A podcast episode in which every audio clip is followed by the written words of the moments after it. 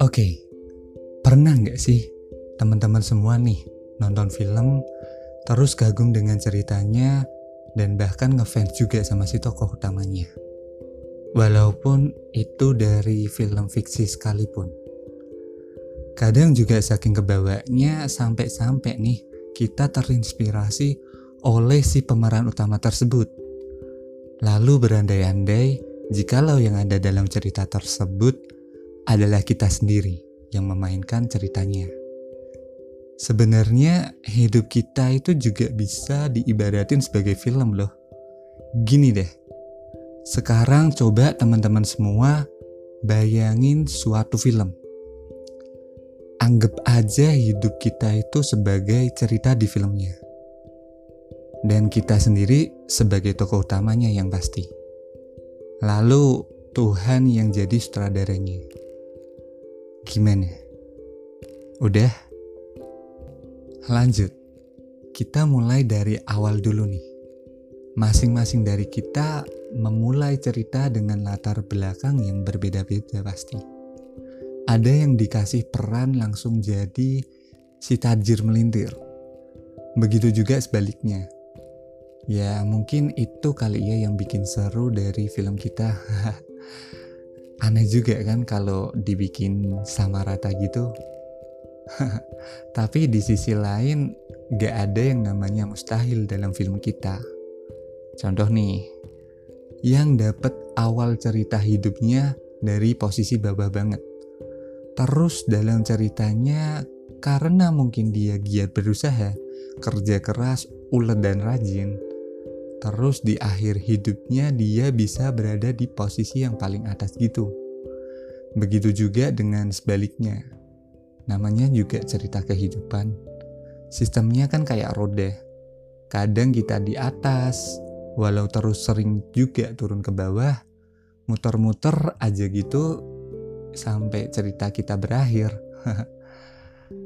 Dan karena Tuhan membuat setiap manusia yang jadi tokoh utama dalam film kita masing-masing yang bisa bebas buat ngepilih adegan-adegannya sendiri buat gimana cara mereka menuliskan ceritanya masing-masing. Lalu alur cerita dalam film kita bisa terus berjalan deh.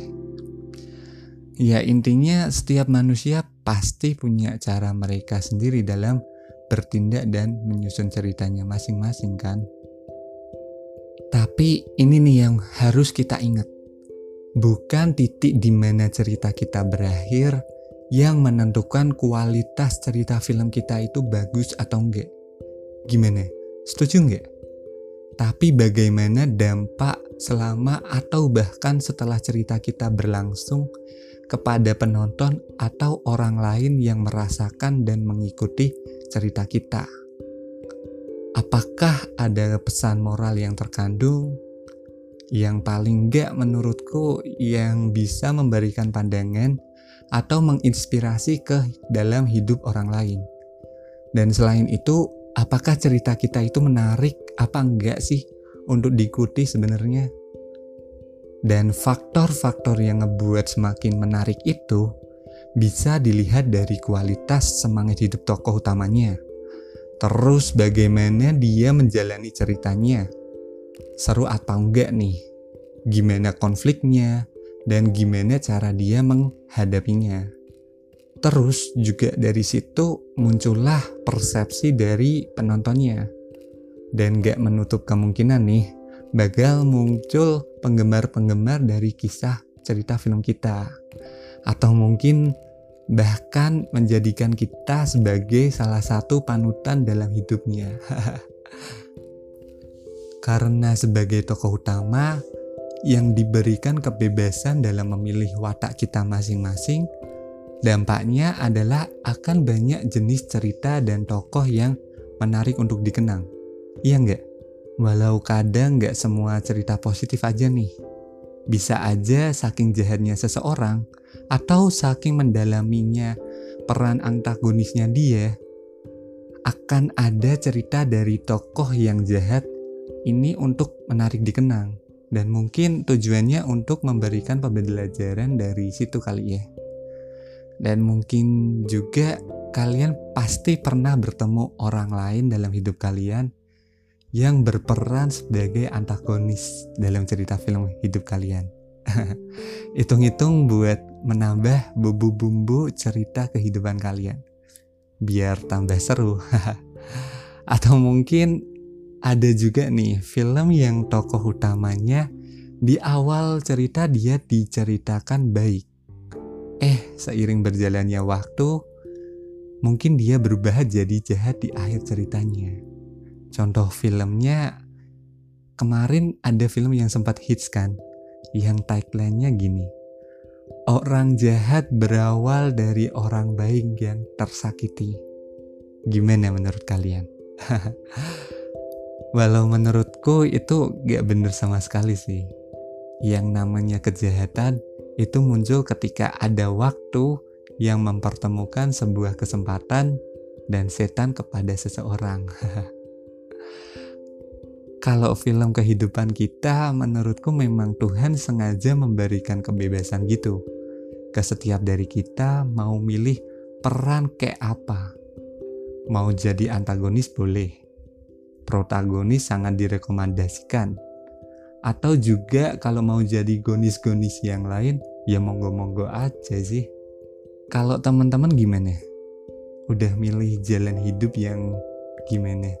Udah memilih watak atau sifat yang seperti apa selama ini? Dan udah yakin gak? Udah dikenang jadi tokoh yang baik atau belum, atau mungkin sebaliknya. Buat kita semua nih yang masih memainkan tokoh utama di setiap film kita masing-masing, semangat ya dalam memainkan peran utamanya. Jangan pernah bosan ngasih dampak positif dan terus menginspirasi orang lain. Dan gak perlu juga menjadi tokoh penyelamat dunia sekalipun buat jadi pahlawan cukup sesimpel kalian semua bisa dikenang dengan kebaikan kalian di lingkungan kecil kalian itu menurutku udah termasuk menjadi pahlawan kok. Dan mungkin sebelum podcast ini diakhiri, saya ingin memberikan satu kutipan prinsip dari teman kuliah saya yang bagus pastinya. Yaitu ketika kita semua merasa belum bisa berguna untuk orang lain, paling nggak usahakan jangan pernah nyusahin orang lain. Semoga di akhir film kita, kita semua sebagai tokoh utamanya bisa dikenang sebagai tokoh yang hebat ya. Amin. Dan jangan lupa tetap terus jadi diri sendiri ya. Dan terima kasih buat teman-teman semua yang udah mau dengerin celotehan saya kali ini. Dan kalau teman-teman semua mau ngasih saran buat selanjutnya kita mau mikirin apa lagi ya, bisa DM ke IG saya at dan akhir kalimat ingat berpikir itu bukan adegan yang berbahaya tapi tidak semua orang suka melakukannya. Saya Bima Desyam, see you.